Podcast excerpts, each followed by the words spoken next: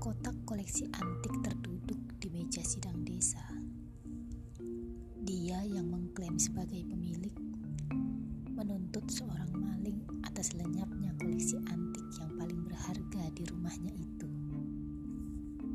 Si maling berkelit berkata bahwa koleksi antik itu berjalan sendiri ke tempat tinggalnya.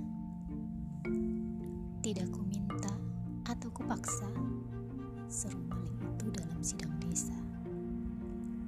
Jangan berdalih kau. Mana mungkin sebuah kotak dapat berjalan sendiri? Balas pemilik. Dia datang dalam keheningan. Tak ada yang bisa melihat langkahnya. Sebab lebih halus dari desir angin. Termasuk juga kau.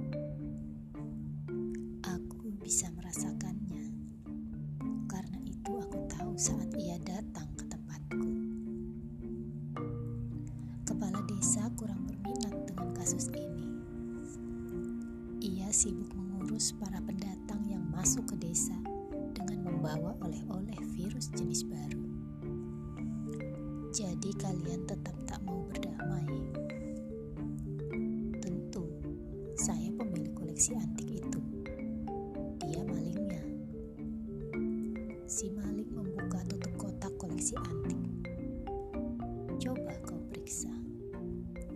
Apa ini benar milikmu? Si pemilik koleksi antik membongkar isi kotak. Tak ada yang ia kenali di situ.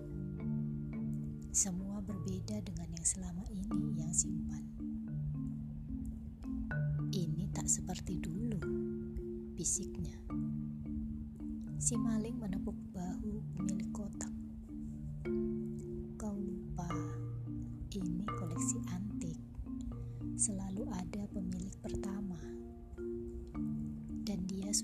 kembali kepadanya. Kepada aku. Sebetulnya apa isi kotak itu, bapak-bapak? Tanya kepala desa.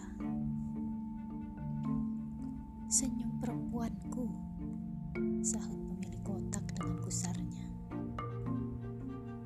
Sementara itu, dari dalam kotak menyembul pelan gumpalan-gumpalan senyum rahasia seorang